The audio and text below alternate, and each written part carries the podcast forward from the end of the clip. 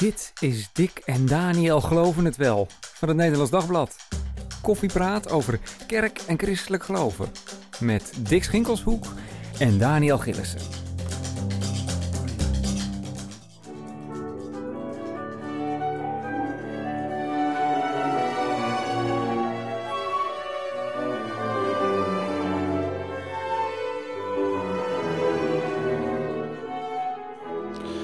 Dit is het uh, beroemde openingsdeel van de Johannespassion van Johann Sebastian Bach. Die kun je op deze Goede Vrijdag online meezingen met professionals van het Nederlands Bach-consort onder leiding van Bert van der Wetering. Maar je kunt natuurlijk ook gewoon een cd opzetten en thuis keihard meezingen met de Johannes Passion of de Matthäus Passion of welke Leidenstijd muziek je ook maar aanspreekt. Welkom weer bij deze podcast van Dick en Daniel Geloven het Wel. Ik weet niet wanneer je deze podcast beluistert, maar op het moment dat wij hem opnemen, hier in Amersfoort, is het uh, Goede Vrijdag. Dat is de dag dat christenen overal in de wereld het lijden en de dood van Jezus herdenken. Hey Daniel, ik ken jou als een, uh, nou, als een heel gelovig, best wel gelovig mens. Uh, hoe, hoe, beleef jij meestal Goede Vrijdag? Ja, Goede Vrijdag is wel meer en meer een bijzonder moment voor mij geworden. Het gaat overigens ook wel voor Pasen. Zeker als je het dus een beetje uh, de verhouding met kerst. Kerst was natuurlijk altijd een beetje het, grote moment. Ja, ja, ja. Zeg maar in, uh, in uh, de christelijke liturgie. en er wordt veel omheen gedaan. Maar dat Goede Vrijdag en Paas wel steeds bijzonderder zijn geworden. En um, ja, het doet mij ook wel deze dagen weer een beetje terugdenken aan, aan, aan twee jaar geleden. Um, ik zat toen heel diep. Dus een aantal... Ik zeggen, je hebt daar iets heel heftigs meegemaakt. Ja, ik zat een aantal weken weer in de kerk. Mijn huwelijk was kapot. Um, wel heftig voor de, voor de kinderen en, en voor mij. En um, die dienst, ik was, wat ik zei, een aantal weken niet geweest. Dus ik zat daar weer een beetje schuchter in de, in de bank. Voelde me echt uh, super kwetsbaar. Ja. En um, de preek uh, ging over, of de aanleiding was, de Notre Dame was net afgefikt. precies, ik was die was in de brand gevlogen. En, precies, en er is een, ik weet niet of je dat nog herinnert, zo'n foto van het middenschip van de Notre Dame, waar je de brokstukken ziet. Ja, helemaal zwart geblakerd. Ingestort en, uh, dak. Ja, ja. En dan zie je nog zo'n kruis, zo'n gouden kruis, daartussen naar boven komen. En uh, de dominee preekte naar aanleiding van die foto. En had het over de brokstukken van je leven. En dat daar het kruis van Jezus Christus nog vier tussen overeind staat. Oh ja, mooie, en, um, mooie toepassing. Ja, en dat hakte er voor mij toen wel echt enorm uh, in. En gaf ook tegelijk troost, zeg maar, Pasen ja, komt. Ja. En uh, dat weet ik nu, dat ervaar ik nu weer. Het in deze tijd, maar uh, twee jaar later, dat dat wel weer in een soort heftigheid bovenkomt. En ik tegelijk uh, God ook wel heel dankbaar ben voor dat het lukt om het leven gewoon weer vorm te geven en daar en door te gaan. Maar op een of andere manier zal Goede Vrijdag voor jou dan altijd hieraan verbonden blijven misschien. Het is wel, in ieder geval ja. in mijn leven nu de, de, de Goede Vrijdagpreek die ik me herinner inderdaad. En uh, die ook wel een soort uh, mankeringsmoment was en waar voor mijn gevoel God ook wel wat tegen mij uh, te zeggen had. hey, die dominee die die preek hield, hè, weet hij dit eigenlijk? Ja, dit weet hij, ja. Oké, heel goed. Ja, want heel vaak weten dominees natuurlijk helemaal niet nee. wat voor effect hun woorden hebben op Nee, op precies. Hij, hij, appte mij, hij appte mij toen na die, uh, die dienst dat hij mij toen weer uh, gezien had. En nou ja, toen heb ik even met hem heen en weer geappt en later hem uh, nog gesproken daarover. Dus nee, dat weet hij, dat weet hij zeker. En, maar ik vind het gewoon wel mooi inderdaad dat ook als teken van nieuw leven is mogelijk. Ook als alles kapot ligt, dan komt er ook wel een moment dat je tot, tot leven komt. En, um, maar in die emotie had ik ook wel weer een beetje gisteren toen ik de Passion aan het kijken was. Ja, het, uh, het kwam weer terug liedje, of zo. Ja, toen kwam dat liedje IJskoud van Nielsen oh, ja, voorbij. Ja, ja, ja, um, als, je niet, uh, als je zegt dat je niet langer van mij houdt. En um, dat was een lied wat, wat twee jaar geleden, een nummer wat twee jaar geleden wel heel populair was. En de emotie die er toen bij kwam kijken, op die manier was het er niet meer, maar het was wel even een, uh, een rillingje, zeg maar. Oh ja. gelukkig is hij niet meer op die manier, door ook de goede omstandigheden waarin ik nu zit.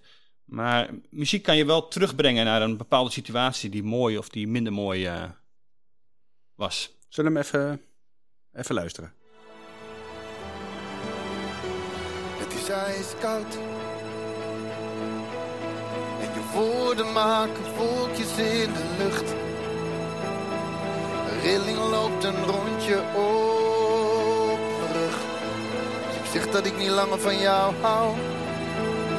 Zeg jij nou? Ja, dat was uh, Judas in de, de Passion gisteravond. Uh, zonder publiek opgenomen in Roermond. Ja. Uh, was een mooie combinatie met Jezus. ja, dubbel hè. En allebei dezelfde woorden. Ja. En tegelijk bedoelden ze iets heel anders. Ja. dat, was, dat was een heel bijzonder moment. Ik vond het echt wel knap in elkaar gezet. ook passend heel goed hierbij. Ja, ik heb, ik heb zitten kijken, de, de Passion, ook omdat ik dat vorige week aan jou beloofd had dat ik dat zou doen.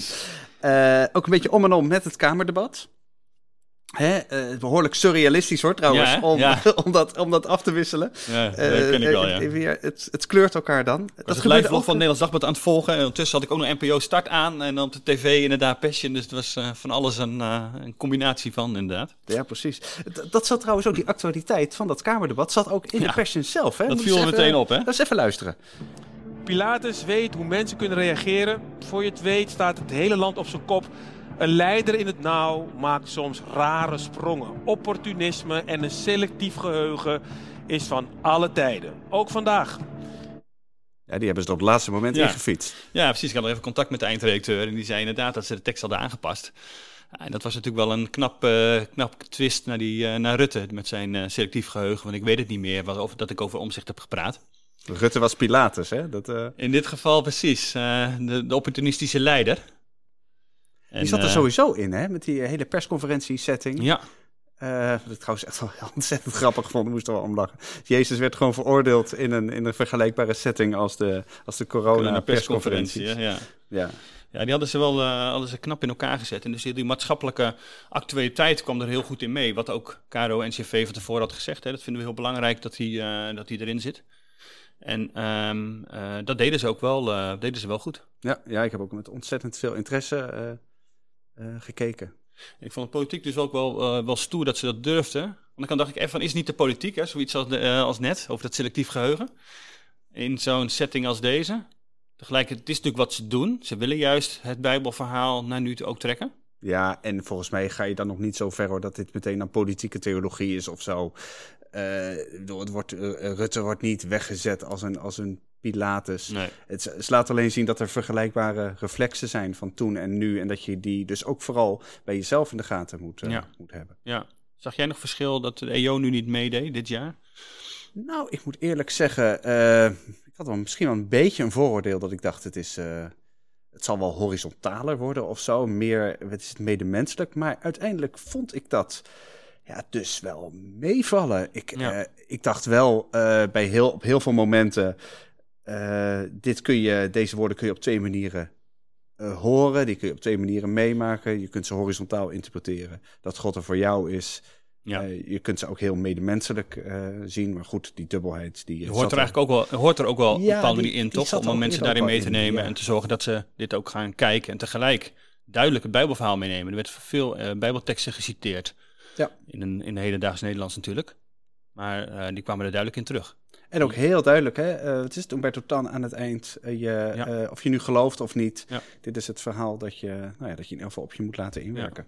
Ja, ja. knap gedaan. Kunnen we constateren dan. Precies, voor zover dat... Ja. Um, maar er speelde meer deze week. door onder andere al het politieke geweld vergeten we bijna het geweld bij de kerken. Ja. zondag liep het uit de hand hè, bij de wat, Miraskerk in Krimp aan de IJssel en bij de Sionkerk op Urk. Twee reformatorische kerken die uh, lieten honderden gelovigen toe tot de dienst. En formeel is dat niet in strijd met de coronaregels, maar uh, voor kerken geldt, uh, want hè, voor kerken geldt advies om met maximaal 30 mensen bij elkaar te komen. Maar ja, verder, anderen mogen dit natuurlijk niet, dus journalisten stonden op de stoep.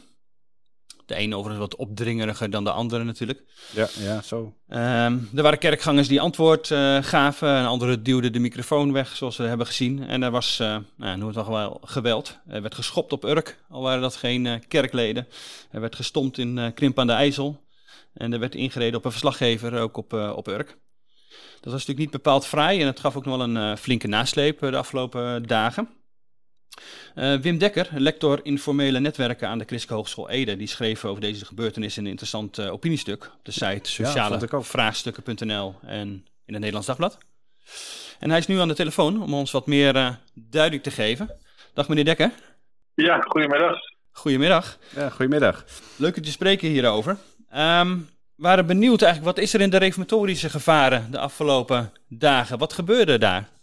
Ja, ik, ik, ik heb zelf het gevoel dat dat, ehm, dat, dat meer een, een, een soort eh, wond is, zeg maar, die openbarst, of, uh, dan dat het nu acuut gebeurt. Dus ik denk dat er al veel langer een gevoel bij reformatorisch ontstaat dat, uh, dat ze zich niet begrepen voelen, het gevoel hebben dat ze buiten staan. En, en dat, dat kwam nu tot een soort climax in deze, ja, in, op deze zondag. Ja, precies.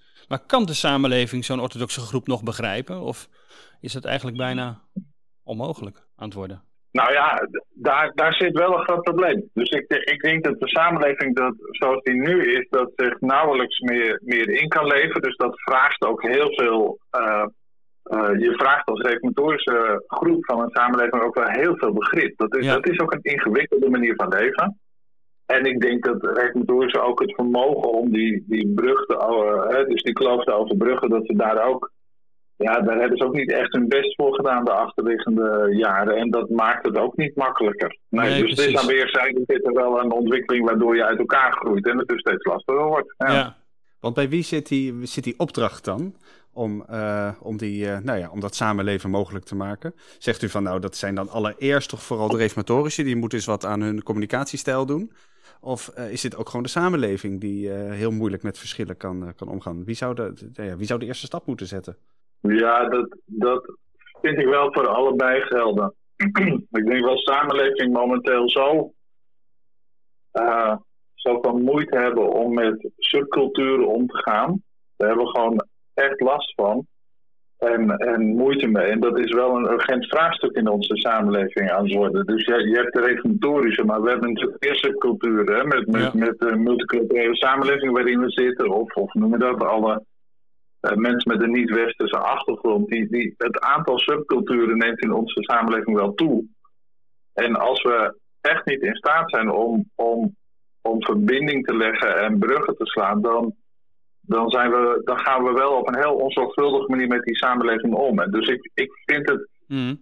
Voor mij, als je het vanuit een samenlevingsperspectief bekijkt, dan vind ik het echt een urgent vraagstuk. Maar dan is het breder dan alleen de reformatorische groep. Maar is dat een van de groepen zeg maar, waar dit probleem speelt. En dat is dan bene nog een groep die uh, bij de Nederlandse bevolking hoort. Dus het, het, wordt hoog tijd, dat vind ik echt een urgent vraagstuk voor de samenleving als geheel. Ja. En voor de ja. reformatorische, die moeten echt leren dat ze zo'n subcultuur zijn. En dat dat dus ook, ook maatschappelijk gezien ook soms een strategische opstelling vereist. En, en ook ja, daar moeten, dat moeten ze wel echt gaan leren. Anders gaat het op een duur keer het zich tegen ze. Nou, dus ik u eigenlijk zeggen... We hebben nu wel heel veel schade berokkend uh, met, met dit ja. gedrag. Dus de, ik denk dat, dat de vrijheid van onderwijs en de vrijheid van godsdienst mede door deze opstelling, door wel kerk, uh, kerkdiensten te houden, die, agressie bij de kerkdeuren, ik weet niet of dat nou zo'n grote invloed heeft, maar dat stapelt zich op ja, wat er op dat komt er meteen bij allemaal, ja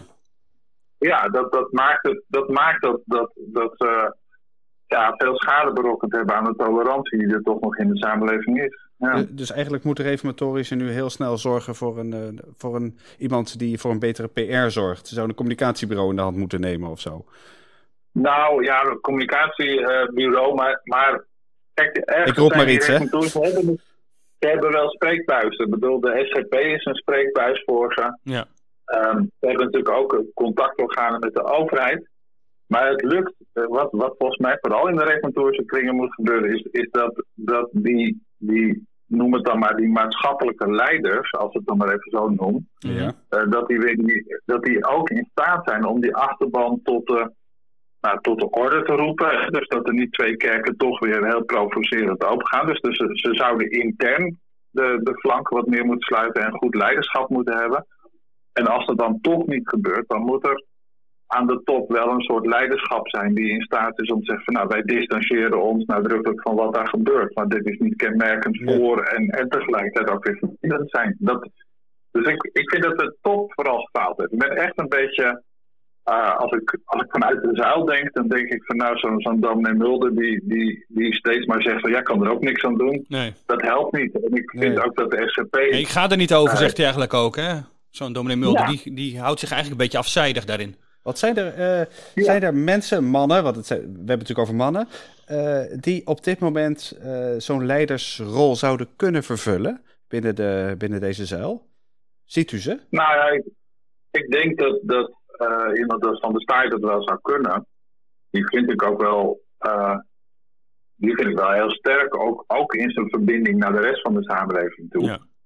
Maar de, ja, wat mij gewoon de achterliggende jaren steeds is opgevallen, is dat de SVP uh, ook een soort, soort lijntje uit heeft staan naar, naar de Forum voor Democratie en, en de, noem het dan maar, de, de, de, de wat provocerende lijn ook binnen de SVP jongeren die er zit. En dat, dat heeft hij niet goed in de kruiwagen weten te houden. Dus dat, dat, er zitten natuurlijk ook wat middelpuntvliedende krachten in die regulatorische achterban. En dat maakt het niet makkelijker. Maar dat, ja, dat zou ik wat ja, populistischer gaan denken, zeg maar.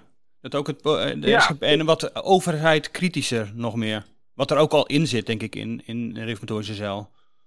Wantrouwen ten opzichte van de overheid. Dat, dat, er zit altijd al wat kritische houding ten opzichte van de overheid. Maar dat heeft ook vaak een lokale kleur. Hè? Dus Urk, ja. Ja. ja. Urk en Klink zijn natuurlijk niet doorsnee reformatoren. Het zijn ook maar twee kerken. Maar goed, er zijn er nog een aantal. Maar dan nog is het een minderheid die zo provocerend gewoon naar de kerk gaat. Maar, maar daar, daar, komen ook allerlei lokale trekken doorheen. Van, van nou, Urk is ergens toch een anarchistische gemeenschap. Met alle. Uh, ja, precies. Dat speelt mee. Maar dat, zit ook, en dat zit denk ik in die Krimpner uh, bevolking van die kerk ook wel een beetje. Dat, dat, dat, daar zit ook iets fanatieks in. En, uh, dat, maar daar ja, daar moet je wel echt, uh, ze moeten wel echt leren om, om dat bij elkaar te houden. Of op het juiste moment zeggen, ja, dit, dit zijn voor ons ook gemeenten waar we ook niet helemaal grip op hebben, maar we distancieren ons er wel van. En dat moet je niet achteraf doen, dat moet je, dat moet je eerder doen. Precies, dan moet je echt ter plekke moet je dat, uh, dat, uh, moet je ingrijpen als, als zuil, zeg maar. u hebt het net over, over die lokale invloeden. je, je kunt het toch ook te, te veel duiden vanuit de, de, de. Ik bedoel, uh, die kerken gingen open en op diezelfde zondag uh, zag je ook weer opnieuw uh, onrust op het Museumplein. Mensen zijn natuurlijk ook gewoon zat, hè, zijn boos op Den Haag. heeft dat die ook gewoon heel erg te maken met maatschappelijke onvrede, zonder dat je dat nou meteen aan, aan de Revo-zeil kunt, kunt koppelen? Ja, dat, dat denk ik dat in. in het, het heeft zich op een bijzondere manier vermengd. Dat vind ik het. dat vind ik het nou, een beetje het ontluisterende. Ja. Dus die vermenging van, van die anti-corona-beweging, zeg maar, hè, die, die met, door mensen als Haga en uh, Baudet van, van Forum voor Democratie een beetje opgepookt wordt. en Die, die zit natuurlijk ook op internet. Die heeft zich, uh, die heeft zich vermengd, zou je kunnen zeggen. Met, dat, dat, dat, heeft, dat is aangeslagen in een deel van die reformatorische achterban. En op dat punt vind ik dat juist op dat punt had iemand als, als uh, Van der Staaij ook in de Kamer en Bisschop, die hadden in de Kamer daar wat nadrukkelijker uh, afstand van moeten nemen en ook wat meer moeten ingrijpen in dit, dit gaat de goede kant op. Maar daar hebben ze, ze, hebben, ze zijn daar min of meer wat in mee gaan bewegen, hebben dat voorzichtig wat, wat ruimte proberen te geven, mm. maar dat, uh, dat breekt nu wel op. En, en echt duidelijk zijn ze nog niet, toch? Uiteindelijk nog steeds niet. Want Grapperhaus, eh, de minister, zegt van, uh, vraagt nu echt die kerken nog weer om terug te schalen. De Sion-kerk op Urk doet dat ook wel, zeggen ze. Maar of dat voor andere kerken geldt, is zeer de vraag. Nou ja, ik, ik denk dat dat, uh, dat, dat. is ook gewoon gevoed. Ja, ik, ik heb wel uh, preken en gebedsfragmenten gehoord waarin gewoon gezegd wordt van ze proberen ons, en dan wordt het bijna op de lijn van de godsdienstvrijheid geplaatst. Ze proberen ons het geloof onmogelijk te maken. En, en, uh, uh, maar, maar hier zijn we dan toch maar in uw goedgunstigheid, heren. En zo, zo wordt er dan gebeden. En er zit natuurlijk een, er zit toch een heel sterk gevoel in van, van uh, de wereld probeert ons het geloof af te houden, zeg maar. En dat, ja, dat ze het zo op de spits hebben gedreven, dat, ja, dat is jammer. Dat is ook niet slim. Want daarmee Daarmee drijven ze ook, uh, zeggen ze ook tegen een liberale samenleving van, van uh, wij willen uh, godsdienstvrijheid helemaal op onze manier doen. En dan gaat die liberale samenleving ook zeggen, ja, als je het zo moet, dan gaan we aan die godsdienstvrijheid tornen. Dus eigenlijk zegt u van, die hier, hier kon je op wachten. Dit hebben die leiders met hun, met hun, met hun preekstijl voor een deel ook gewoon zelf veroorzaakt. Ja, dit, dit, hier is de, de, de, dit, dit, is, dit heb ik wel aan zien komen. En dit, ja, hier kon je op wachten. Is niet slim geweest. Nee. nee. Ik, vanuit het belang van, van een, een culturele minderheid gezien, het is niet slim geweest. Nee. nee. U hebt ook reformatorische christenen in uw eigen familie, uh, schreef u in dat stuk. Uh, is er in de familie ook mhm. discussie over? Over uh, nou ja, wel of niet naar de kerk, wel of niet open? Doet de overheid dit goed of niet? Um, nou, ja, dat, dat wordt wat lastig, omdat wij... Um, wij zien elkaar natuurlijk wel wat, maar niet heel nee, veel. Precies. Omdat je door corona geen echt, nee.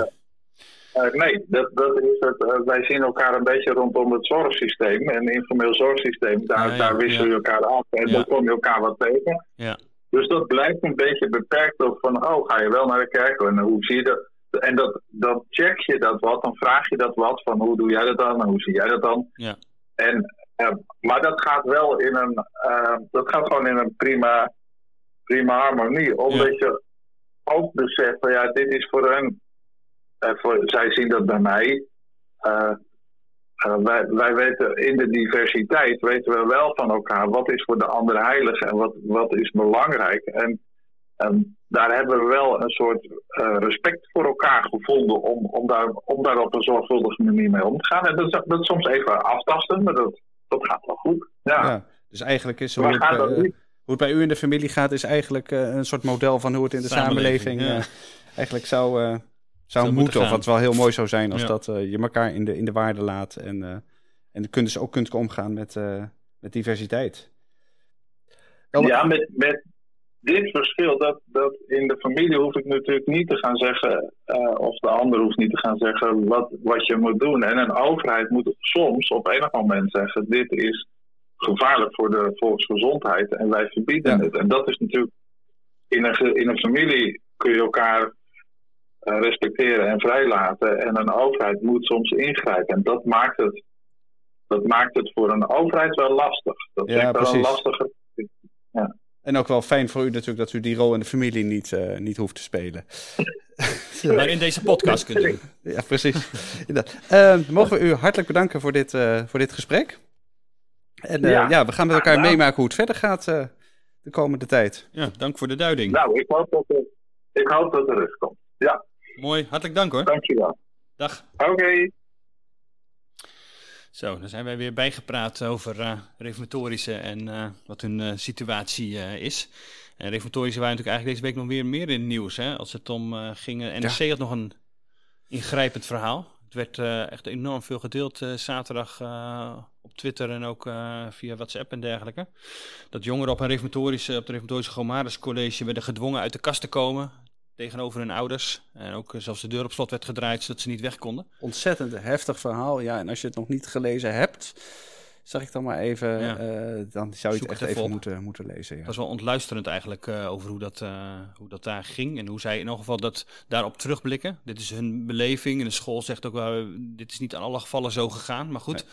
het is wel de beleving van, van deze homo-jongeren. Um, dus uh, nou ja, misschien zit daar ook wel weer iets in uh, de lessen van, uh, van Wim Dekker. Um, het is ook de week van 20 jaar homohuwelijk. Ja, dat viel wel weer samen, ja. 1 april 2001 werd het homohuwelijk officieel van kracht. De mogelijkheid om huwelijk tussen mensen van gelijk geslacht dus aan te gaan. We hadden daar deze week nog een interview over met een stel dat elkaar al 51 jaar kent.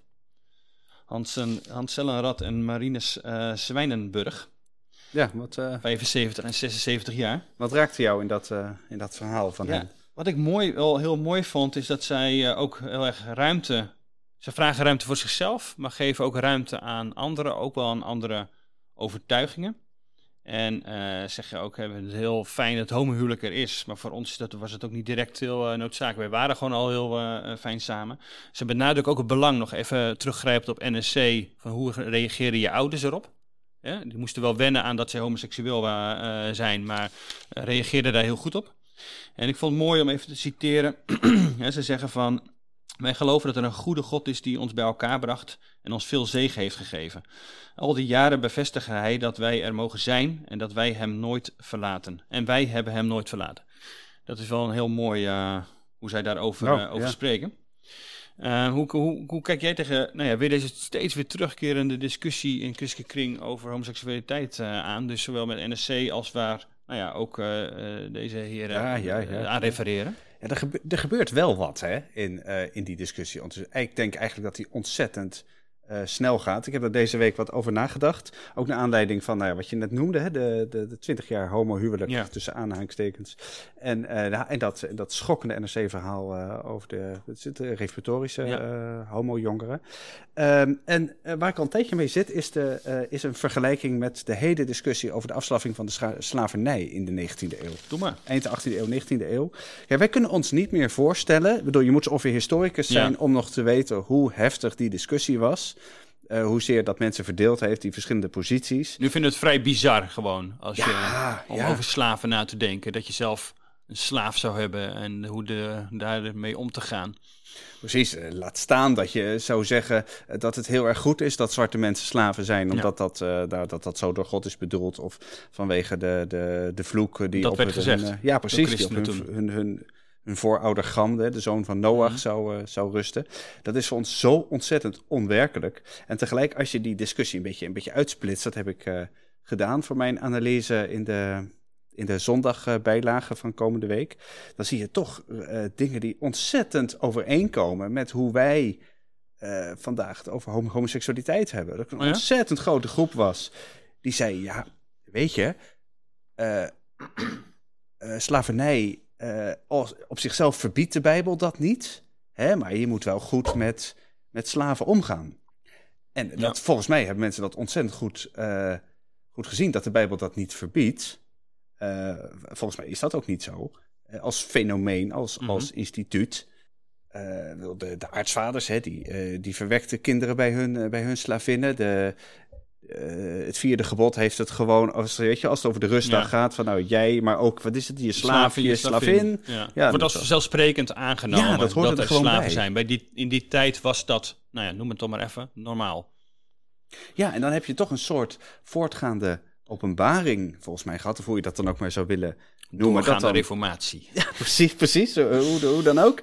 Uh, die dan eigenlijk vanaf halverwege de 18e eeuw komt er zo'n beweging op en die zegt, jongens, maar dit is helemaal niet christelijk. Die mensen waren er voor die tijd trouwens ook al. De bekende uh, gereformeerde theoloog uh, Gisbertus Fucius was ook een verklaard tegenstander van de slavernij. Maar dat waren, dat waren, nog, dat waren nog minderheden. En dan werd er toen ook om, om gelachen, werd dat weggehoond of hoe werd dat gezien? Nee, dat werd niet zozeer weggehoond, maar het waren echt minderheden.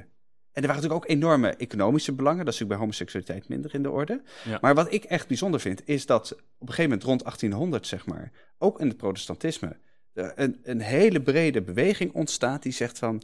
oké, het wordt dus nergens expliciet verboden in de Bijbel...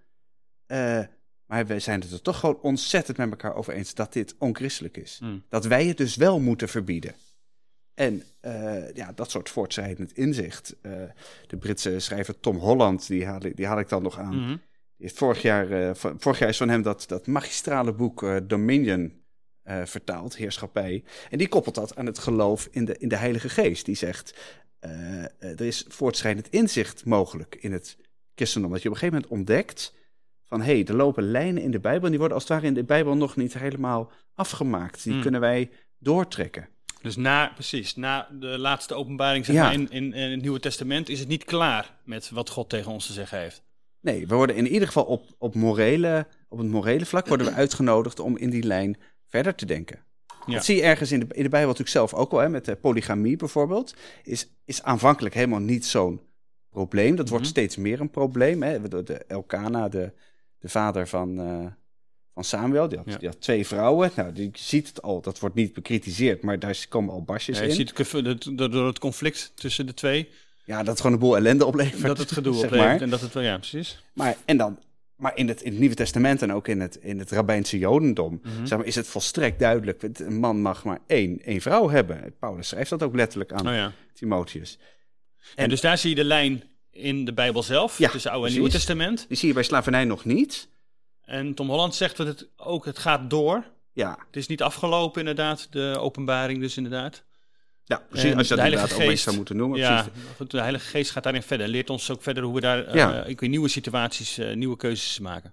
En dat zou natuurlijk, op die manier kun je ook gewoon zeggen dat wij nu op de, vandaag veel meer weten over homoseksualiteit als, eh, als geaardheid. Ja. Maar wat ik eigenlijk belangrijk vind, vind vooral is dat het goed is om dit soort discussies die we nu ontzettend groot maken, weet je wel, waar kerken door scheuren, waar gezinnen door scheuren, dat ze die ook wat, wat, leren, wat leren relativeren. Van, jongens, eh, er zijn ontzettend heftige discussies in het verleden geweest.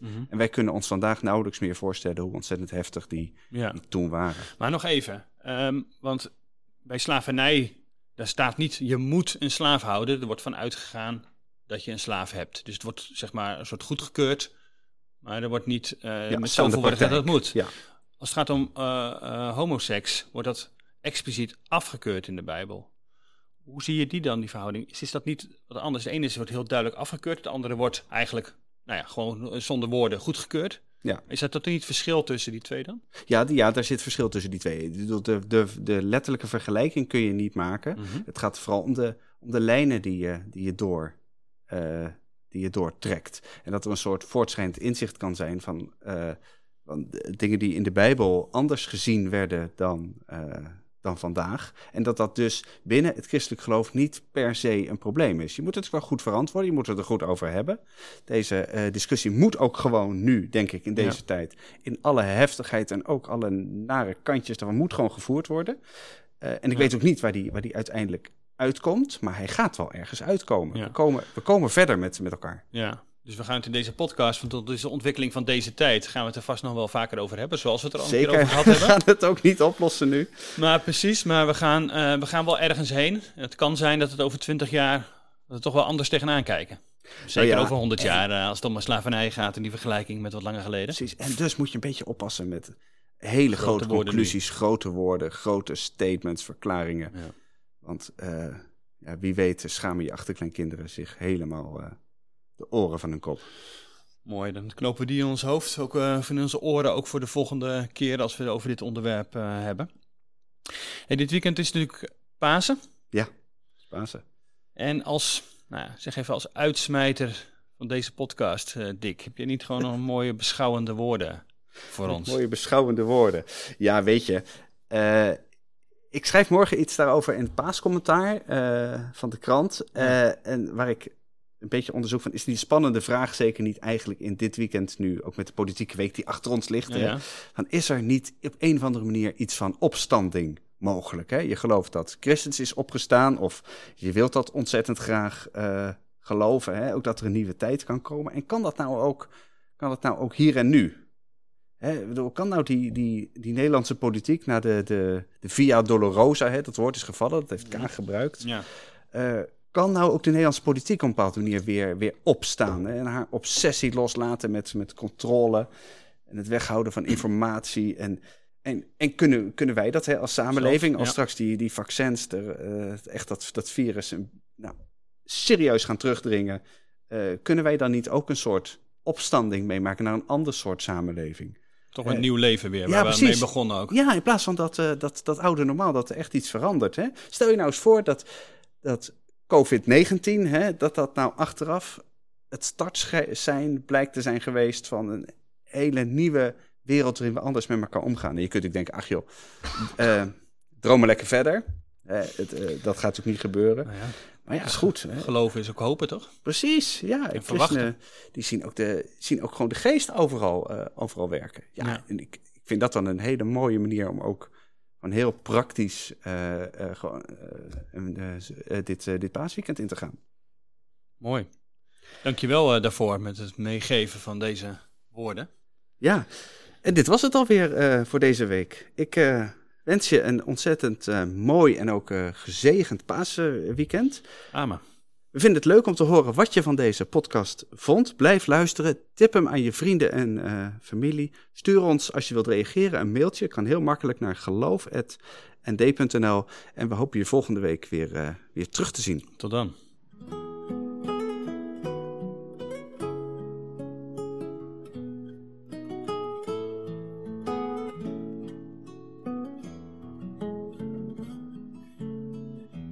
Weet je nog